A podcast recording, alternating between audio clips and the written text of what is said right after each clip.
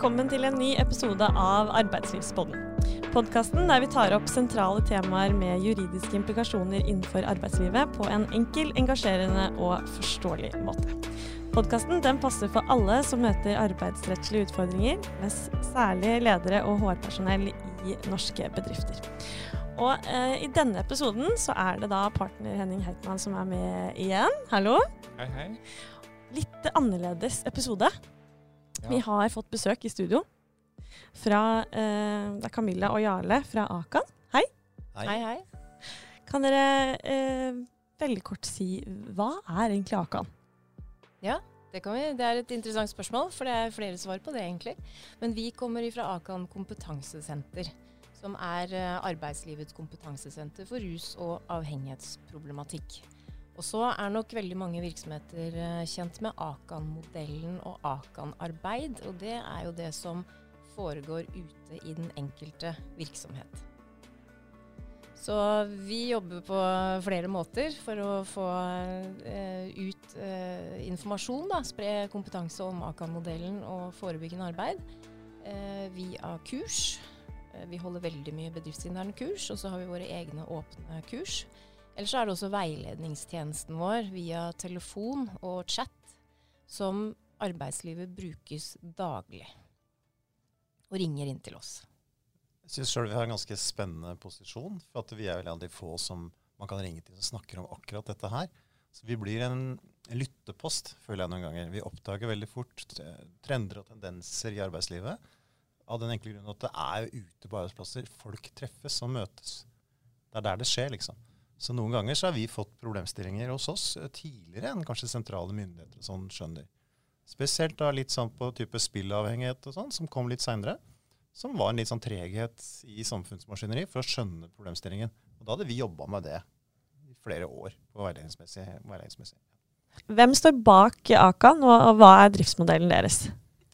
Ganske spennende samarbeid, spør du meg. Eh, jeg tror Akan er et av de første, om ikke det første, ekte trepartssamarbeidet i norsk arbeidsliv. Altså Dette her blei starta i 1963 av LO og NAF, som det het den gangen, nå NHO. Og myndighetene kom, kom seinere inn. Så det er altså, vi er drifta av dette her. Så vi er rart det enn høres ut, vi er en uh, privat organisasjon med ganske sterke eiere, som dere skjønner. LO, NHO og Helsedirektoratet. Så kan jeg bare legge til at vi er ikke en medlemsorganisasjon, for det er det mange som, eh, som tror. Men vi er åpen for alle. Eh, både private, offentlige virksomheter, og små og store, og hele landet. Hva gjør dere, eh, Camilla og Jarle? vi er begge rådgivere eh, og har, altså betjener den veiledningstelefonen og er ute og holder eh, kurs og har kontakt med bedriftene våre, eller kundene våre. da. Eh, så, så, det er daglige, det daglige arbeidet vi, uh, vi gjør. Um, vi er i en situasjon hvor i, vi ikke jobber utadrettet. Uh, vi er nesten litt bortskjemte med at bedrifter tar kontakt med oss på bakgrunn av at de enten ønsker å forebygge, altså ha tematikken på agendaen, uh, eller selvfølgelig at de har enkeltsaker, konkrete hendelser som oppstår, som de trenger hjelp til.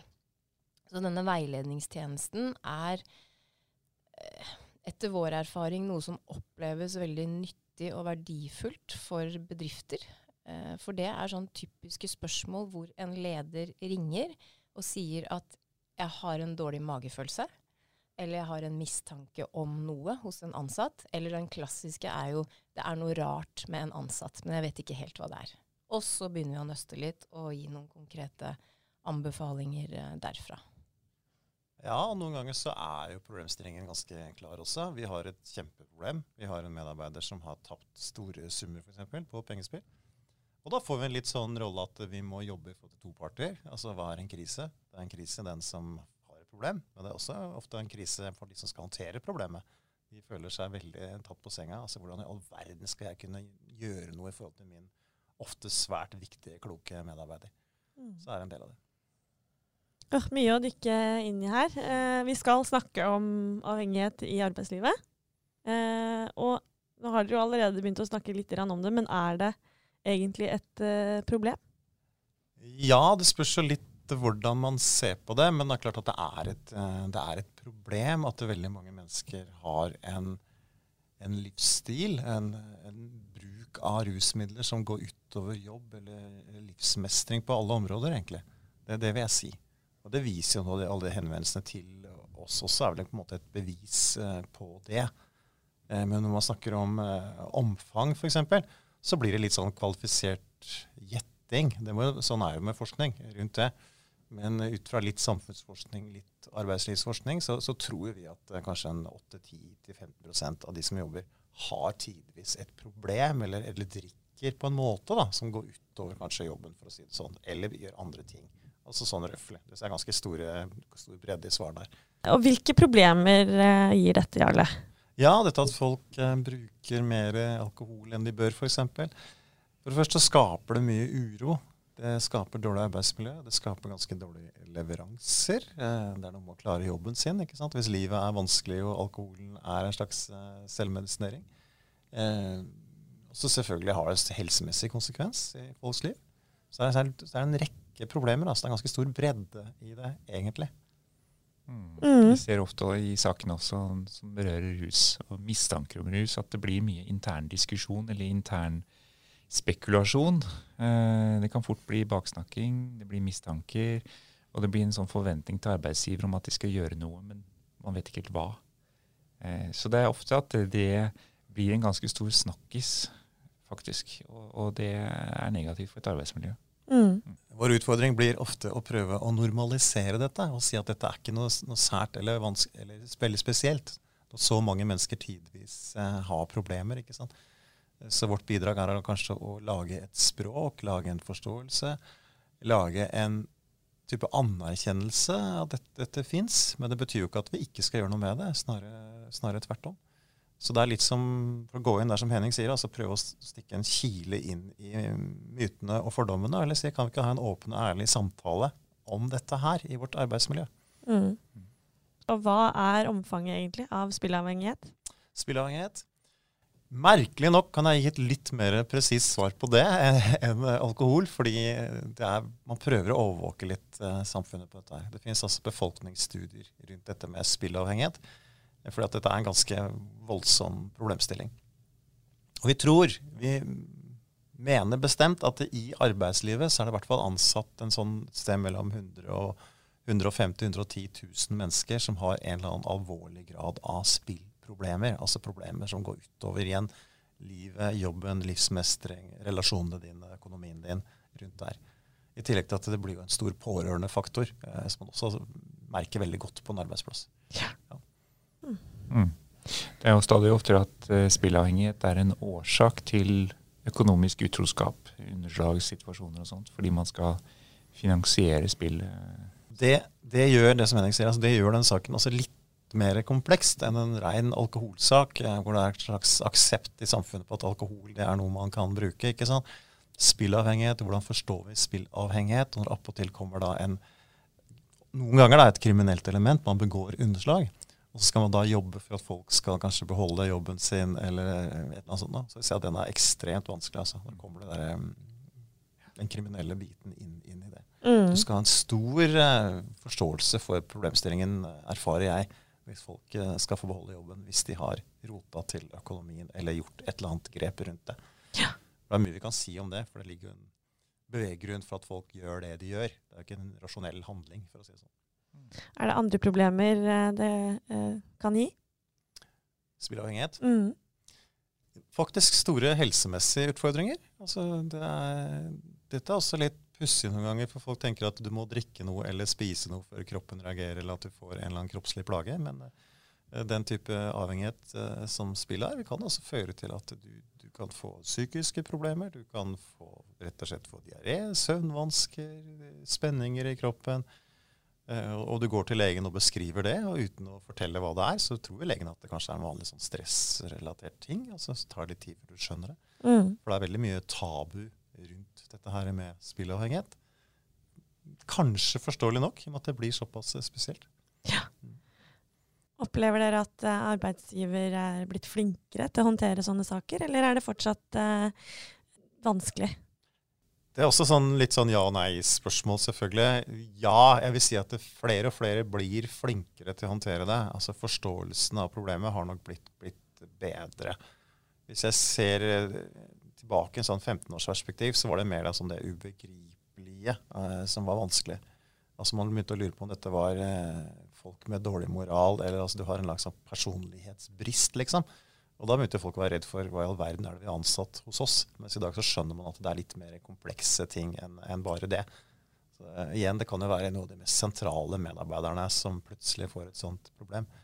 Så mange er blitt flinkere, det vil jeg påstå. Men det er en vei å gå fremdeles. Vi blir ikke arbeidsledige med en gang. Jeg tror uh, viljen helt klart er der.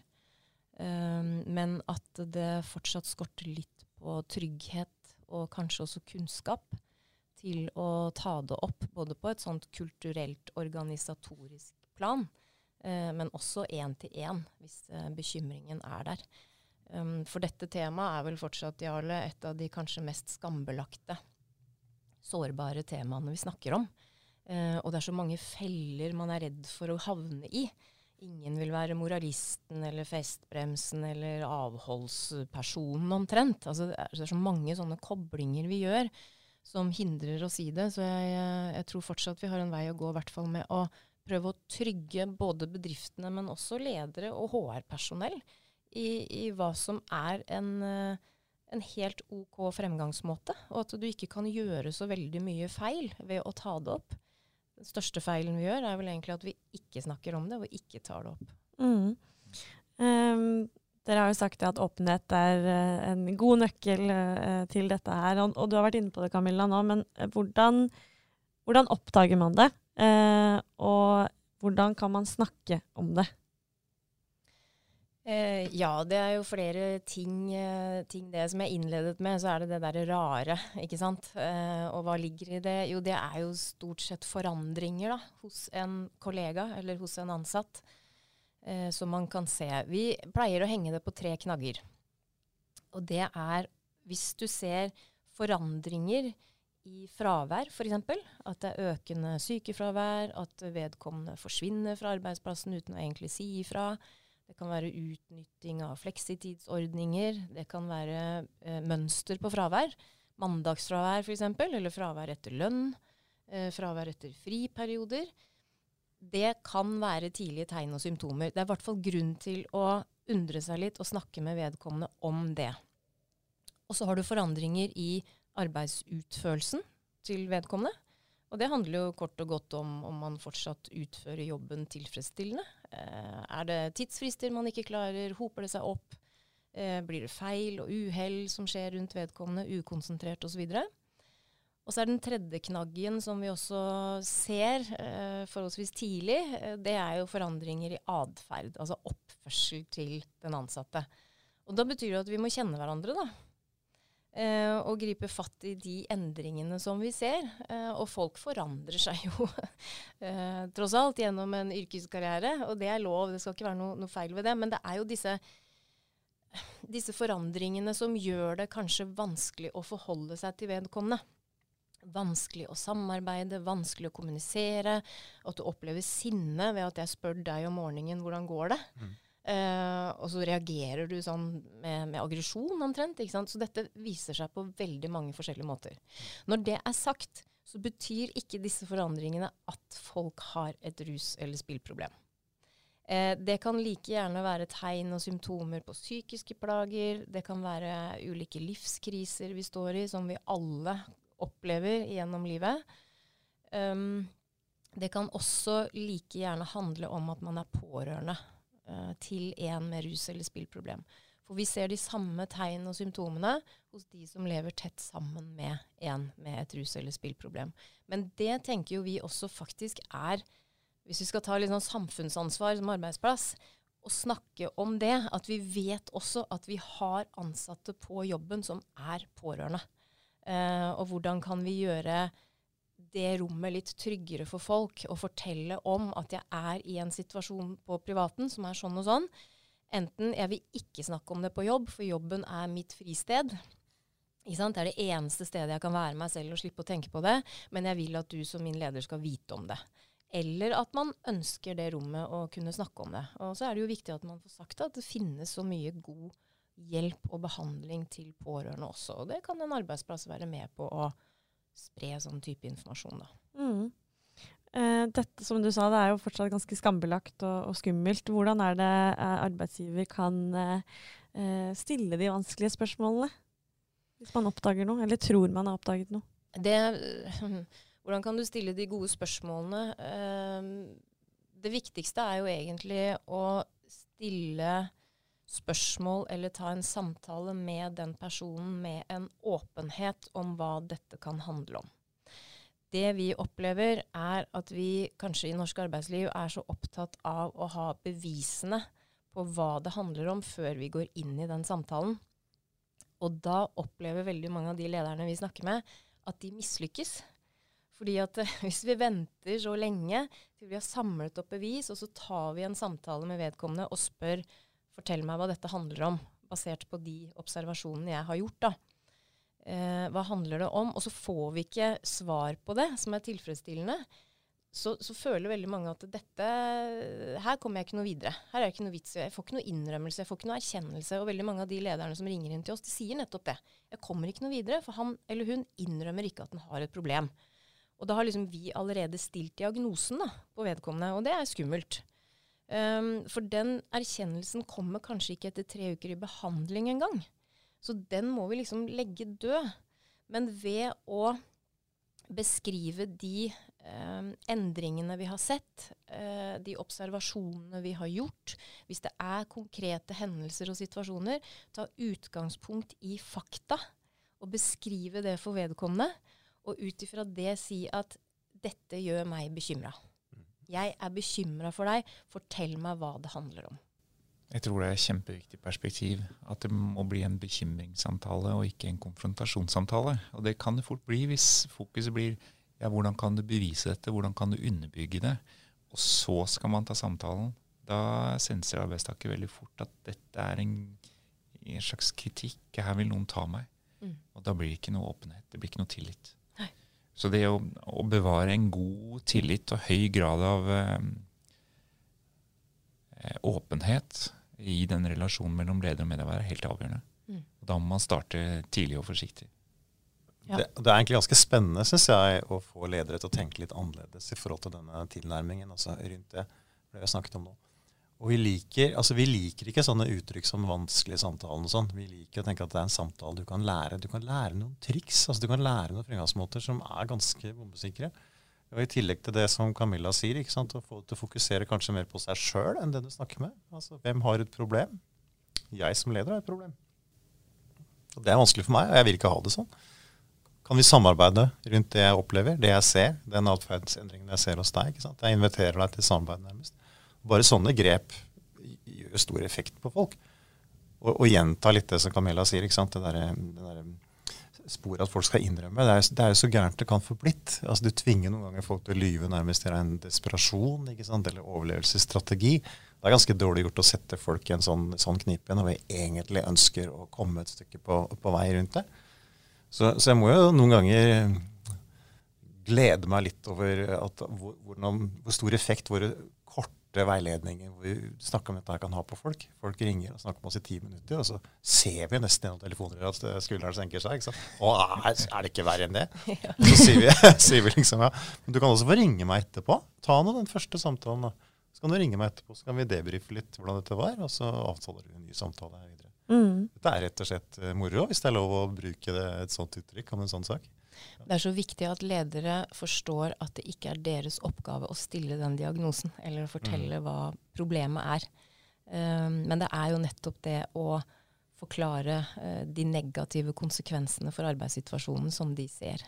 Og da handler det veldig mye om, det tror jeg vi sier til alle ledere vi kurser, senk ambisjonen din for hva du skal få til i den første samtalen. For jeg tror vi, vi legger lista så himla høyt. Mm. Og så tror jeg vi bare er um, det er noe som ligger i oss at når vi skal gå inn i samtaler som vi kanskje gruer oss for å ta, eh, som vi opplever som litt krevende, kanskje mye følelser involvert også, eh, så er vi vant til at vi skal komme ut av den samtalen med en plan eller en løsning på det. da. Men legg det bort. For hele poenget er jo at du skal jo finne ut underveis i samtalen hva dette handler om. I hvert fall hvis vi klarer å komme inn litt tidligere enn det som kanskje skjer i praksis. da. Ja. Men, eh, men da er det mye lettere å ha en sånn åpen eh, ja, en, litt sånn åpent sinn egentlig om hva dette handler om. Og så skal vi som Jarle sier, vi skal finne ut av dette sammen. Og så er det jo så fint, for du får alltid muligheten til å ta en samtale til. Så det trenger ikke å løses i den første samtalen. sant? Og da trenger ikke disse samtalene å bli så krevende heller, for de trenger ikke å ta lang tid. Du får sagt ganske mye på 10-15 minutter, faktisk, eh, i en samtale. Kommer an på responsen man får, selvfølgelig. Men, eh, men man kommer et stykke da. Og så kan du alltid, og du skal alltid, avtale en ny samtale, og så fortsetter man. Og på den måten så bygger vi også litt trygghet og tillit i at dette faktisk er et reelt ønske om å få til noe sammen. Mm. Litt det å bli sett også, bare, kanskje. I hvert fall i første omgang. At eh, Ja, ja, det er noen som bryr seg. Ja, absolutt. altså, absolutt. Må jo tenke sånn, Hvor mange ganger i et menneskes liv er det en person du kanskje har litt respekt for, da, som setter seg ned og sier 'jeg er faktisk bekymra, for jeg ser noe som gjør noe med meg'. ikke sant? Og jeg tror etter mange år, at jeg tror at en sånn samtale det vil folk huske resten av livet. Det er såpass sterkt virkemiddel. ikke sant? Og ingen kan komme etterpå og si det der klassiske ja, men 'hvorfor var det ingen som sa noe'? Jo, faktisk, det var noen som sa noe. Altså, Prosessen er i gang. Så blir det jo spennende da, å se hva som skjer videre ikke sant? i trinn to, tre og fire. ikke sant? For noe, noe må skje. Og det er noe av det som gjør arbeidslivet ganske unikt, eh, også som en arena. For at arbeidslivet kan si at vi, ja, det må skje noe. Den situasjonen er ikke det å leve med. Det må skje noe, faktisk. Du må ta et grep sjøl også. Og her kan du si at makt som begrep er litt vanskelig begrep. Men jeg tenker her ligger en positiv makt, hvis man kan snu litt på det. ikke sant? Hvilken mulighetsrom som ligger i det. Og som jeg sier på ledersamlinger, dere som ledere kan få til ganske mye mer enn både terapeuter og psykologer noen ganger. altså I forhold til det akkurat å få folk til å begynne en prosess. For vi erfarer at folk vil stort sett ha en relasjon til jobben sin, eller ha en relasjon til arbeidslivet. Den, den er en sterk, altså det er en sterk drivkraft i folks liv. Og folk skjønner det, fordi man til og med begynner å få en sykdomstilstand som vi kan kalle avhengighet, da, hvor du ikke bestemmer helt over dine egne valg. Men likevel så er det et eller annet som sier at det, hvis jeg drikker meg ut av jobben eller mister jobben pga. underslag pga. spill, ikke sant? Da, da har jeg trøbbel. altså. Hvordan skal jeg da gjenopprenne, bygge tillit? Hvordan skal jeg da komme tilbake? ikke sant? Og Det er et sånt vippepunkt som er ganske, ganske fantastisk. Så jeg vil si at en, en god arbeidsplass er vel det beste behandlingsapparatet vi har for veldig mye i folks liv. Er det ikke viktig at eh, den hjelpende hånden som arbeidsgiver kan være, er ganske sentral? At man må møte den ansatte med den, det utgangspunktet. At vi skal hjelpe deg med å få det til å fungere slik at du kan fortsette med en god jobbutførelse hos oss. Og at eh, hvis man skulle miste jobben, så kan jo det være en eh, skyv til at avhengighetsproblemet blir mye større enn det har vært. Absolutt, altså. Det er, det er veldig riktig. Uh, igjen å si at vi ønsker De færreste ønsker å støte folk bort. Heldigvis. Uh, det må jeg si. De fleste ønsker folk vel, ikke sant, at det skal gå bra. Uh, og dette er ganske interessant, fordi når vi får disse rådgivningstelefonene, som Camilla snakker om, så skjønner vi veldig fort eh, hvor folk vil hen. Men vi opplever forbausende ofte at folk forteller en lang historie først om hvor fantastisk person dette er. Hvor viktig denne personen er, hvor flink denne personen er. Og så kommer det til poenget. Men nå kommer alt det vi lurer på. ikke sant? Og det er ganske interessant. Altså. Før vi kommer til kanskje denne samtalen, da, er det eh, med forebygging Er det noen tiltak arbeidsgiver kan gjøre eh, i virksomheten? Ja, det, det er det. Forebyggende Stort tiltak. Ja, altså, jeg tenker det er noe av det mest forebyggende vi kan gjøre, er jo litt det som Henning snakker om også, at vi viser i praksis at vi mener, altså walk the talk, at vi mener noe. At våre holdninger menes, vises. ikke sant? Vi ønsker å ta vare på våre ansatte. Vi ønsker det beste.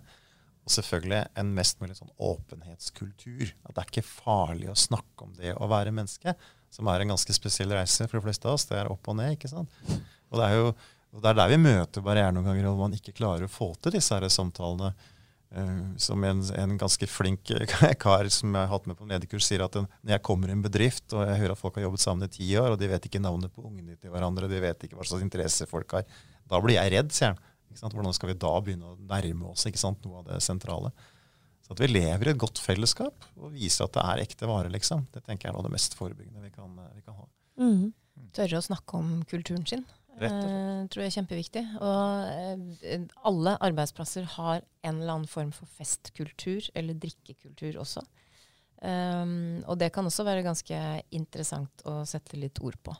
Og det er jo ikke fordi at vi vil drikkekultur til livs. Uh, det handler om å skape en refleksjon og bevissthet rundt hvordan vi oppfører oss sammen når vi drikker sammen. For det er så mange sosiale situasjoner i arbeidslivet hvor vi drikker sammen, og det er helt greit. Men det er veldig sjelden at vi snakker om det, og der skjer det mye. Um, som kunne vært unngått, uh, og som kanskje burde vært unngått. Men det henger sammen med hva slags kultur har vi på arbeidsplassen i forhold til å skape trygghet, ivareta hverandre. Eh, hvilket rom har vi for å ta opp utfordrende temaer? Eh, og hva gjør vi hvis noen på godt norsk driter seg ut? Eh, blir man da hentet inn, og man snakker om det eh, med vedkommende, eller er det noe vi bare ser mellom eh, fingrene på? Så, så det der med å stille seg spørsmålet hvordan vil vi ha det hos oss? Og tenke at kultur det sitter i hodene på, på, de ansatte, som alle kan være med å påvirke. Dette er ikke noe sånt som sitter i veggene. Altså. Da har vi besøkt mange bedrifter i løpet av årene. Og jeg har ikke vært ett sted hvor jeg ikke får høre at her er det høyt under taket, eller døra mi som sjefen er alltid åpen. Vet du, alle arbeidsplasser sier det. Men det er ganske spennende å begynne å utfordre på litt krevende temaer ja, hvor høyt er det egentlig under dette taket? Og hvor, hva kan jeg spørre om, hva kan jeg snakke om, hva kan jeg fortelle? Hvordan blir det mottatt? Så vi kan uh, trene ledere i å ta samtaler én til én eh, til vi blir grønne. Og så handler det til syvende og sist om uh, kulturen på jobben. Så det er et perspektiv her som jeg tror mange glemmer, og det er når du har firmafest, så er du fortsatt på jobb. I hvert fall med det ene beinet. Og det, det, er jo et tiltak man gjør som bedriften betaler fordi man vil bygge et arbeidsmiljø. Man vil bygge engasjement, man vil bygge fellesskap. Mm. Og det er jo viktig at man har en ramme rundt det som gjør at man ikke river ned det fellesskapet eller skaper nye problemer. Mm. Så, um, så, hva er en god politikk for at julebord skal bli bra? Eh, og um, jeg fikk spørsmål for noen år siden. Er det, er det rettferdig at de ansatte må betale en egenandel for julebordet, mens lederne går gratis? Kanskje, kanskje, kanskje ikke. Men husk på det at ledere på julebord har et lederansvar også på julebordet. Det er en jobbsetting. For eh, ansatte på gulvet så er det litt friere. Men jeg, jeg, jeg tenker at skal julebordet ha noen betydning, noen effekt, så må det ha innhold som gjør at alle kan trives. Det er viktig, altså. Er viktig. Og jeg tenker at vi, også i forhold til mangfoldsperspektivet, som er, blir viktigere og viktigere i arbeidslivet, så er det å kunne ha noen alkoholfrie tilbud alltid et alkoholfritt alternativ når det gjelder drikke. Og også ha, ha noen arrangementer hvor ikke alkoholen eh, er noe viktig. Mm. Det syns jeg er et perspektiv som man bør ta mer og mer på alvor. Mm. Det er kanskje en konkret tiltak. Når man snakker om det at vi, skal, vi, må snakke mer om kultur, så er jo det litt sånn hvitt. Eller sånn, ja, hvordan gjør man det, da? Mm. Hvordan skaper man rom for å snakke, snakke om det på ordentlig? Vi er jo glad i litt sånn i forkant-prat, vi da. For det er jo mye vi, mye vi vet. Ja, og Det er altså litt interessant med å jobbe med arbeidslivet, at du kan ikke komme med noen påstander. Du må komme med noe som har litt belegg ikke sant, i noen undersøkelser eller et eller annet. Og nå har det kommet mye spennende studier da, som er liksom inne på akkurat det som Henning tar opp her. ikke sant? Altså Hvilke konsekvenser har den, den feil firmafesten eller den der jobbrelaterte alkoholdrikkingen? Hvilke konsekvenser har det? Det er ganske interessant at vi i Norge har en veldig sånn non-toleranse for vin til lunsj. Ja, ja, ja. Mm. Men på, eh, på, på, eh, kveldsfestene så er det liksom mm. mye friere. Og det er pussig. Det er pussig. Plutselig en liten digresjon av Camilla og jeg for noen år siden var så heldig å få være med i et um, Europarådet, faktisk, og se på alkoholpolitikk i et europeisk perspektiv. Uh, og da første vi møtte på lunsjen, var jo musserende vin. da, Vi satt og så på hverandre. Så liksom sånn, ja, ja. Sånn er det bare. Det, sagt, det var en, en digresjon. Men i hvert fall eh, litt tilbake til det. Når vi vet litt om konsekvens, så er det også mye lettere å lage en god ruspolicy som sier noe om at uh, ja, vi tillater at vi skal ha det moro på jobben. Vi skal ha sosiale settinger, men det skal gjøres på sånn måte at ingen blir plaga. Vi vet at veldig mange blir, mange flere vi liker i hvert fall, blir plaga. Og Det er litt den forkantpraten. ikke sant? Hvem har lyst til å ødelegge festen? liksom? Hvem har lyst til å være den vi snakker om på mandag med litt sånn åh, å nei, ikke nå igjen, liksom. Ja, det foregår fremdeles lønnsforhandlinger og medarbeidersamtaler på julebordet. Vi får den daglig. Det er ikke slutt på det, altså. Så det er liksom, det er noe med å komme seg et steg videre. kan man bare si det direkte, på en måte, uten at det skal sette for harde At man blir redd for at man ikke skal kose seg, eller, eller what not? At, det, at disse reglene ja. er, Skal det bare være i underbevisstheten, eller kan man si si det? Ja, jeg mener vi kan si det. Vi, vi, kan snakke rett ut. og Det handler ikke om at vi ikke skal være greie mot hverandre, men det er noe med å si det. altså at Julebordet i fjor var ikke bare greit for alle, liksom. Skal vi prøve å kjøre en annen strategi i år? Det er lov å si det. Man vil hverandre vel. Man vil ha det som et underliggende faktor her. Mm. Ja. Man bør jo alltid evaluere og lære av ja. historien i bedriften og forbedre det som bør forbedres. Det krever jo veldig ansvarlige ledere som eh, mm. også våger å stå for noe. Ja, det er akkurat det. Og det, der er du inne på det. Det krever ganske mye mot, uh, dette her, å begynne å snakke om det. Men jeg tenker ærvære ledere som tør å stå foran Bør ikke bare være julebord, men altså andre situasjoner da, som vi vet kommer i løpet av et år. Jeg vil at vi skal ha det gøy. Vi, ha, vi, har denne festen, for, eller reisen, eller hva det er.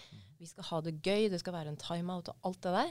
Eh, samtidig så er jeg opptatt av at vi unngår de negative konsekvensene. Og skjer det noe, så si ifra. Altså jeg tror bare ved å invitere til at dette er et tema som jeg som leder tør å stå i, eh, dette klarer vi å snakke om, det tror jeg er forebygging i seg selv.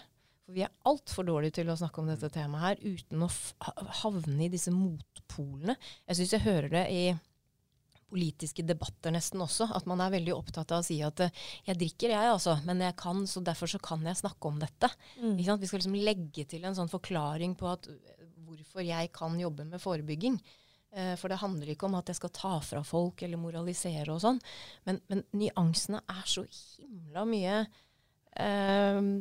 med bredspektra enn å havne i den derre enten så drikker du med kontroll, eller så er det liksom avhengighet. Mm. Vi må tørre å sette litt ord på, på ja. den kulturen på litt andre måter, altså. Ja, det er vel litt, litt inne på det vi innleda med også. ikke sant? Altså, Hva er et problem for arbeidslivet? Og klart at dette, Dette er et problem for arbeidslivet når dette her tar helt av. Vi har ikke noen tanker eh, rundt det. Og så kan man si at det Skadelig bruk både i forhold til kultur og på individnivå eh, er jo et større problem enn en tung sykelig avhengighetstilstand. Ikke sant? En viktig nyanse her i det. Ja. Mm. Jeg har lurt litt på underveis her um, altså den, det skillet mellom arbeidsgiver og, og, og um, det å være venn og det å Altså, hva slags rett har egentlig arbeidsgiver rett til å bry seg om uh, en ansatt da, som kanskje har et rusproblem eller en, en avhengighet? Og jeg kan jo se for meg at en, en, den arbeidstakeren kan være også redd for mister jeg jobben nå, liksom? Eller hva er, det der, hva er det jeg kan si og ikke si? Og hvor mye skal jeg eksponere meg selv? Henning? ja. Grunnleggende i arbeidsforholdet er jo bl.a. at arbeidsgiver har en omsorgsplikt for sine medarbeidere. Eh, og lovverket definerer jo på mange måter grensene for den omsorgsplikten. Men når det gjelder avhengighetsspørsmålet, så er ikke det ingen regulering av dette spesifikt i arbeidsmiljøloven. Du skal medvirke til et godt arbeidsmiljø, og du skal på en måte gi alle respekt osv. Men, men det er ingen særskilte regler om eh, akkurat rushåndtering. Så har vi noe rettspraksis rundt dette, hva man skal gjøre i disse tilfellene hvor det viser seg å være avhengighet som er årsaken til avvik i arbeidet. og da sier domstolene at man, man, har en forsterket omsorgsplikt i disse tilfellene, og det gir faktisk ansatte vist, et visst forsterket vern mot uh, oppsigelse uh, hvis det er et avhengighetsproblem som ligger til grunn for de avvikene. Uh, så um, hvis folk kommer for sent på jobb, og det var fordi de var på fylla i går kveld, men de ikke har et avhengighetsproblem, så, så er det en veldig dårlig unnskyldning. Men har du et avhengighetsproblem som gjør at du kommer for sent på jobb annenhver dag, så må arbeidsgiver møte det på en annen måte, med langt mer omsorg. Så, så det er en ganske viktig forskjell. Eh, så er det slik at arbeidsgiver skal ikke blande seg borti hva som helst. Nei, Hva er yttergrensene der, da? Det er når man ser noe som er relevant for arbeidsmiljøet, arbeidsplassen, evnen til å gjøre jobben. Eh, så rent private ting, hvis arbeidsgiver fanger opp at det finnes et bilde på Facebook av at noen eh, har brukt rus, og som er ansatt hos meg, så er ikke det et grunnlag for at du egentlig skal gå inn og, og, og, og forstyrre den private sfæren. Du skal ha en viss respekt for det. men det er en vanskelig balansegang, og det er jo lov som medmenneske å bry seg eh, uten at du tar arbeidsgiverhatten på og, forventer veldig gode, klare svar. Da. Så det er en gråsone her for hva man skal blande seg i. Men hovedregelen er egentlig at hvis den ansatte sier at det er ikke din sak, så skal du respektere det. Hvis ikke det er konkrete forhold i arbeidsutførelsen som blir påvirket. Mm. Er det det, så har du en plikt som arbeidsgiver til å bry deg. Eh, og også en, en, klar rett til å bry deg som leder. Fordi du skal sørge for at de ansatte er på jobb, gjør jobben sin og lykkes med det, og at arbeidsmiljøet fungerer. Mm. Mm. Så eh, du kan ikke teste din ansatte for eh, narkotika eller alkohol eh, hvis du mistenker noe? Nei, ikke basert på en mistanke i seg selv. Det er helt åpenbart. Eh, en eh, sånn type test det vil anses som en helseinnhenting av helseinformasjon. En medisinsk undersøkelse. Og Det er særskilt uh, regulert i arbeidsmiljøloven. Veldig strenge vilkår for å gjøre det. Uh, men hvis den ansatte sier jeg har et avhengighetsproblem, ja, jeg erkjenner det, jeg, jeg, er villig til å ta imot hjelp. Og så kan man gå inn i et såkalt Akan oppfølgingsopplegg, som man da avtaler med den ansatte. Og En Akan-avtale er jo noe Akan anbefaler, og har lagt noen føringer for hva som anbefales å ligge i det. Eh, men det er ikke en avtale man inngår med Akan. Så Det er viktig at folk forstår. Det er en avtale mellom arbeidsgiver og arbeidstaker som har et avhengighetsproblem, eh, hvor man avtaler et oppfølgingsopplegg over tid. I stedet for at den ansatte risikerer å bli sagt opp, så får man da en advarsel, og så får man et oppfølgingsopplegg. Og Det kan være et år eller to år, litt konkret vurdert, og gjerne sammen med legen til den ansatte, slik at man har en viss medisinsk forståelse for, for helheten i det. Og Da mm, kan man jo også konferere med Akon om hva som er et godt innhold, og hva som er en god måte å, å legge det opp på. Dere har kanskje noen maler også i Akan for hvordan man eh, hvordan man bør tenke om disse tingene? Ja da, vi har, eh, vi har alt. det er klart, det, dette, er jo, dette, er jo, kjernen av det som var og er Akan. Altså hvilke verktøy og metoder vi kan bruke når det virkelig brenner, virkelig trenger noe. ikke sant? Mm. Og Det som Henning fint beskriver nå, denne, denne avtalen, den er jo, den er jo gull. Altså, den gir jo, altså, den gir, det er en vinn-vinn-situasjon både for arbeidsgiver og arbeidstaker. Altså Begge får trygghet i noe. Og, den dokumentasjonen denne avtalen gir, den har i hvert fall aldri jeg opplevd har blitt eh, sett ned på eller misbrukt i noen sånne rettslige greier. Jeg har sagt at dette, dette her er en fantastisk dokumentasjon. Det er en fantastisk ting. Det kan virkelig vise hva dere har gjort. Og medarbeider får jo en sjanse som er helt, helt unik. ikke sant? Det er klart det er noen grenser her. Senest i dag fikk jeg spørsmål om det. Altså, du kan ikke ha et tungt narkotikaproblem og fortsette med det under avtalen og påberope en avhengighet. liksom. Det er noen grenser. Altså, Man kan gjøre det, men i, i grove trekk så er dette en veldig sånn konserverende avtale. altså Den holder folk i jobb, den gir folk nye sjanser. Og historisk sett så er det også spennende å se hvor mange familieforhold, hvor mange barn som har fått det bedre, hvor mange som har liksom klart livet sitt mye bedre, fordi arbeidsgiver var villig til å gå inn på akkurat denne, denne avtalen. Det er en ganske unik eh, ting, egentlig. altså. Jeg tror det hjelper mange ut av problemene. Eh, ja, det gjør det. det gjør det. Og det, det, det, skjer noe interessant, skjønner du. Tenk på deg, Henning, som advokat også. fordi den klassiske inngangen til en AK-avtale var jo nettopp brudd. ikke sant? Type advarsel, du har gjort noe galt. ikke sant? Bruten, Mm. Og så får du dette som en sånn, slags alternativ personalsakshåndtering. og sånn. sånn. Men, men, det vi ser nå, er at flere og flere avtaler startes bare, bare basert på bekymring. Altså Man har ikke kommet så langt at man har begynt å bryte regelverk eller retningslinjer. eller noe sånt. Da. Det er bare lederen setter seg ned og ser at vi ser at livet tar en retning nå. Skal vi ta et grep nå, før dette her utvikler seg? Og folk er med på det. Eh, til og med flere avtaler som inngås på bakgrunn av at eh, ansatte ber om hjelp selv.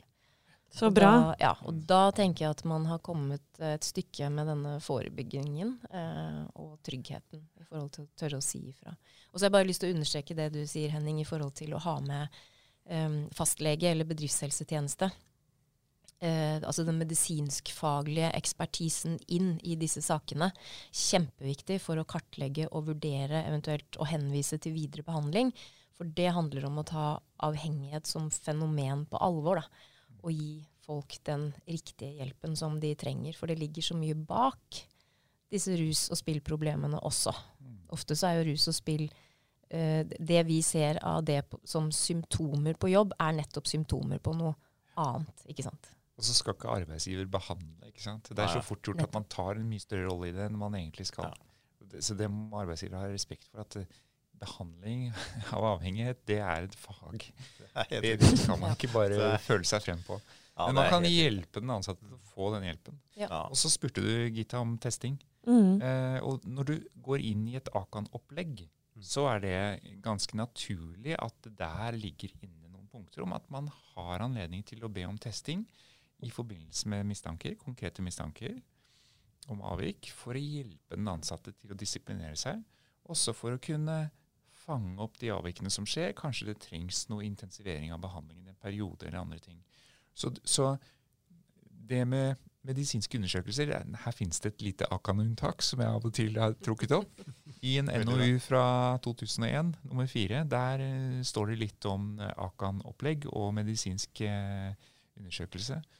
Der står det at, eh, at det å bruke en sånn type tilnærming i et Akan-opplegg, det er OK etter arbeidsmiljøloven. Det er akseptabelt og innenfor eh, for regelverket.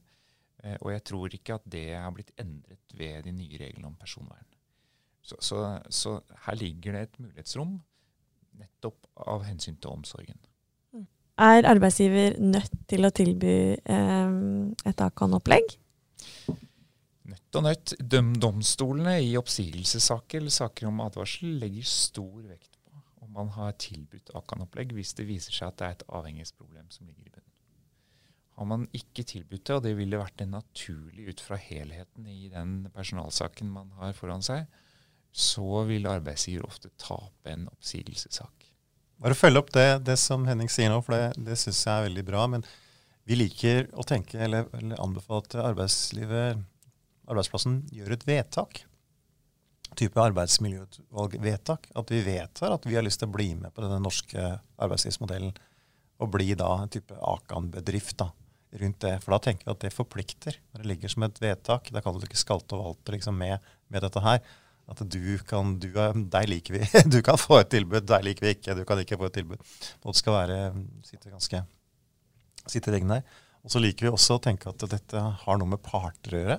At dette er en enighet mellom partene på arbeidsplassen. At det gir en ekstra styrke. Altså få med foreningene, ikke sant? få med vernetjenesten. Og de er også, eier jo dette systemet. De eier jo Akan kompetansesenter rundt det. Og det, dette er jo ikke tarifforhandlinger. Det er jo en sånn enighet om at vi ønsker å ta tak i folk. ikke sant? Og hvem som helst kan få et problem. Uh, som jeg sier til ledere noen ganger, at det, i sånne saker så kan du noen ganger ta et steg tilbake og, og kanskje bruke den tillitsvalgte og si nå må du hjelpe meg å snakke med ditt medlem. Vi har felles interesser her. Og jeg tenker Det er vel noe av det sterkeste pressmiddelet jeg kan tenke meg på en arbeidsplass. ikke sant? Kan leder få hjelp av tillitsvalgt? Altså kan øh, å, å snakke om 'jeg tror at denne ansatte kanskje har et problem'? Altså, eller er, hvordan er personvernet rundt det? Jeg liker spørsmålet veldig godt. Jeg har lyst til å svare etter at Henning har svart. Det å stille et spørsmål muntlig er eh, ikke et personvernproblem i seg selv. Nei. Det, det handler om hva du registrerer, og hva du dokumenterer. Så um, det er ikke noe i veien for at du stiller en bekymringsspørsmål først til en tillitsvalgte for å medvirke til at det kan bli en samtale om innholdet. Eh, og så tror jeg de fleste tillitsvalgte er ganske bevisste på at de har også en taushetsplikt og konfidensialitetsplikt. De skal være lojale med hvert enkelt medlem og ivareta deres interesser. Da kan de ikke gå rundt og snakke om dette.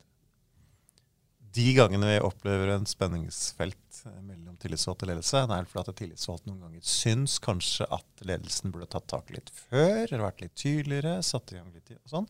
Det tenker jeg det er konstruktivt. Sånn skal det være. Det skal være litt sånn makt eh, i det. Men man mener i prinsippet det samme. Man vil jo det samme. Er det ofte at det kommer fra tillitsvalgt også til eh, ledelsen? At eh, en, en bekymring om en ansatt? Det er jo ikke alltid man ser så mye til lederen sin når man jobber i en stor bedrift. Nei, det er helt riktig. Jeg vet ikke hva jeg skal svare på det. Det hender, vil jeg si. Men, men det er like mye en, en god kollega, altså et kollegafellesskap, som begynner å bli urolig for hverandre.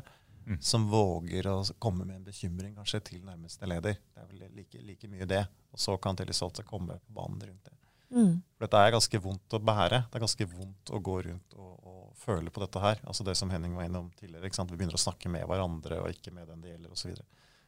Du var litt inne på eh, dette om, om en ansatt kan bli sagt opp eller ikke eh, dersom den har en, en eh, avhengighet eller et rusproblem. Kan du si litt mer eh, om dette? Er det oppsigelsesgrunn? I utgangspunktet så er det ikke det. Eh, man plikter som utgangspunkt først å tilby den ansatte hjelp.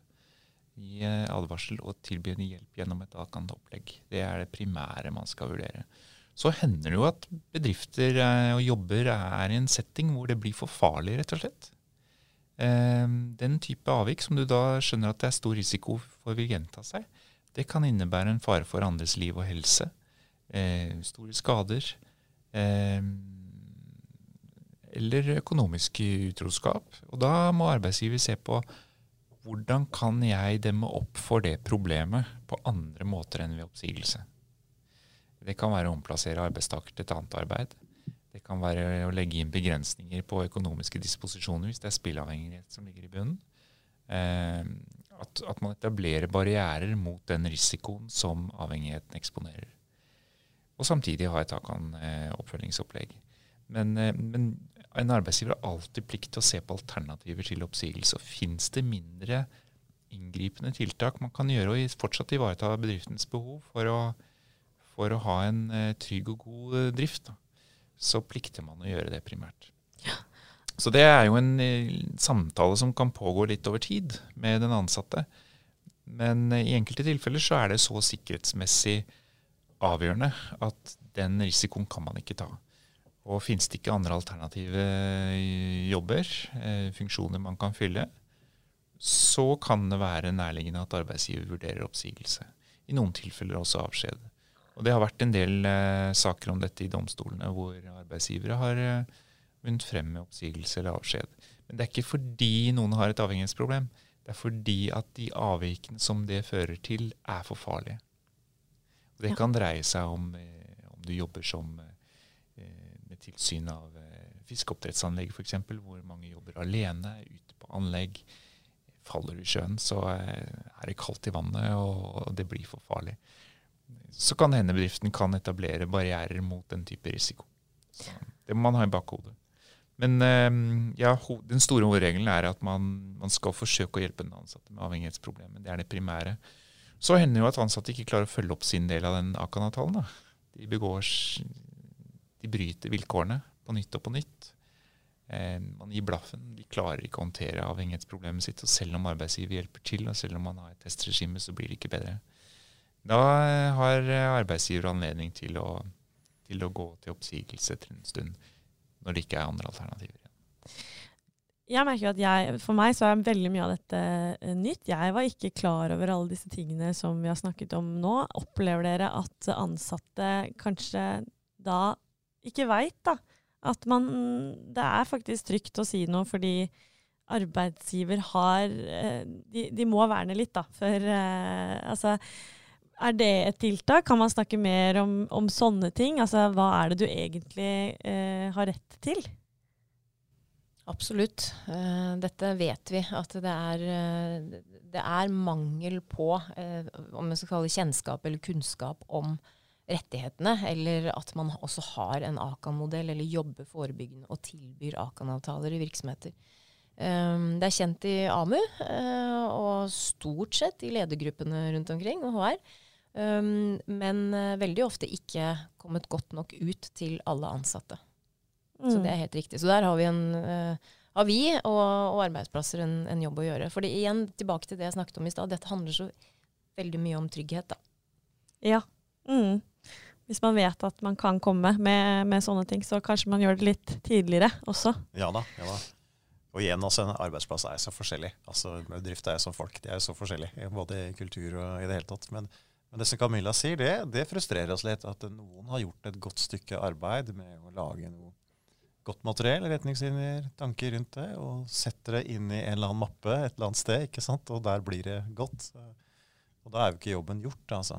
Dette er jo sånn, Det er jo ikke teori som redder verden, det er jo praksis som redder verden. ikke sant? Så det, det er det ja. si, Få det fram, altså. Det og det er også gøy å møte litt sånne bedrifter med nye kulturer, yngre folk som ikke har denne den, dette bygger litt på den gamle industrikulturen. ikke sant? Det er jo det det handler om, ikke sant? med sterke foreninger og sånn. Og så forteller vi hva dette er, og så sier vi at oi, dette er en fantastisk god idé. liksom. Er det nytt, dette her? Har dere holdt på lenge? uh, nærmer seg 60 år. så det er sånn, ja. ja, ja, nei, jeg kan kjenne meg litt igjen i det, altså. Avslutningsvis kan vi snakke litt mer om personvernet for eh, ansatte med avhengighetsproblemer. Eh, Henning, du er vel kanskje rett mann å gå til først eh, her. Hvordan kan arbeidsgiver behandle informasjon om avhengighet lovlig? Det er et veldig stort spørsmål. Eh, personopplysningsloven som nå er oppdatert etter GDPR-forordningen fra EU, som har strammet inn ytterligere. Men eh, det er viktig at man er bevisst på hva slags grunnlag man har i eh, lovverket for å behandle personopplysninger. Og Det gjelder jo særlig sensitive personopplysninger, som dette med helse er. Um,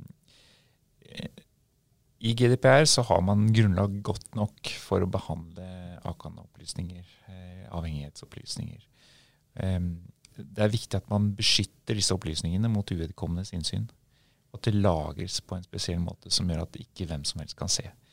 Eh, en Akan-avtale med et Akan-oppfølgingsopplegg, og særlig hvis det skulle ligge noen testresultater som blir registrert der, så er det viktig at de begrenses så godt som man kan og at det er en sikker lagring av disse opplysningene, og at de ikke lagres lenger enn nødvendig.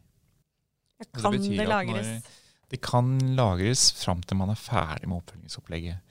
Hvis man har et ettårs- eller toårsløp, da, så er det jo eh, greit at den historikken som knytter seg til gjennomføring av Akan-avtalen, blir lagret og ligger der frem til avtalen er fullført. Og Hvis man da er eh, gjennom og den ansattes avhengighetsproblem er løst, så har man ikke noen grunn til å lagre det lenger. Da skal det slettes. Den ansatte har krav på innsyn i opplysningen som er lagret.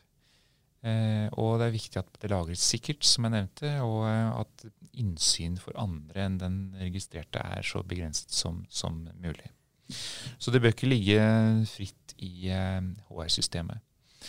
Eh, man kan skille mellom selve Akan-avtalen og det oppfølgingsopplegget som ligger i den, og advarselen man gir den ansatte samtidig. Eh, og det er jo viktig da å tenke på hva skriver man i advarselen. Man trenger ikke å bruke ordet avhengighet i advarselen. Der kan man avtale, eller omtale de avvikene i arbeidsutførelsen som gjør at man får advarselen. Eh, mens Akan-avtalen lagres da med større grad av diskusjon. Eh, og en advarsel vil jo være relevant i lengre tid etterpå enn en Akan-avtale. Slik at selv om man sletter Akan-avtalen når den er fullført og det har gått bra, så vil det være relevant at advarselen blir liggende en stund til. Men her er det litt sånn skjønn ute og går. Hvor lenge er en advarsel relevant? Ja, det kan være i ett år, det kan være i fem år. Litt avhengig av hva slags avvik det er snakk om. Eh, men domstolene legger jo vekt på eldre advarsler også, hvis ting er gjentagende. Gjentagende type avvik. Så, um, så det er det sentrale. Når man har eh, samler opplysninger og lagrer de og behandler de fordi det er nødvendig for å oppfylle en rettslig forpliktelse som påhviler den som behandler opplysninger, altså arbeidsgiver, så har man grunnlag for å behandle personopplysningene etter GDPR, artikkel 6. Så er det spesialregler i, um, i artikkel 9 for uh, helseopplysninger som gir mulighet når det er knyttet til en arbeidsrettslig forpliktelse. Og går man inn i en Avkan-avtale, så, så, vil det være oppfylt. Så det er egentlig det man i korte trekk skal si om personvern og, og arbeidsgivers plikter rundt dette, som går særskilt på avhengighetsspørsmål. Eh, kan, hvis arbeidstaker eh, skal få seg en ny jobb en eller annen gang, eh, kan, og har leder som referanse, kan de si noe om dette her, eller er det som referanse så vil jo den ansatte ha opplyst eh, vedkommende som eh, person for å gi svar rundt arbeidsforholdet. Og eh, ledere må gi ærlige svar på de spørsmålene de får. Og Det må ligge som en premiss. Det må man være ærlig med den ansatte om også.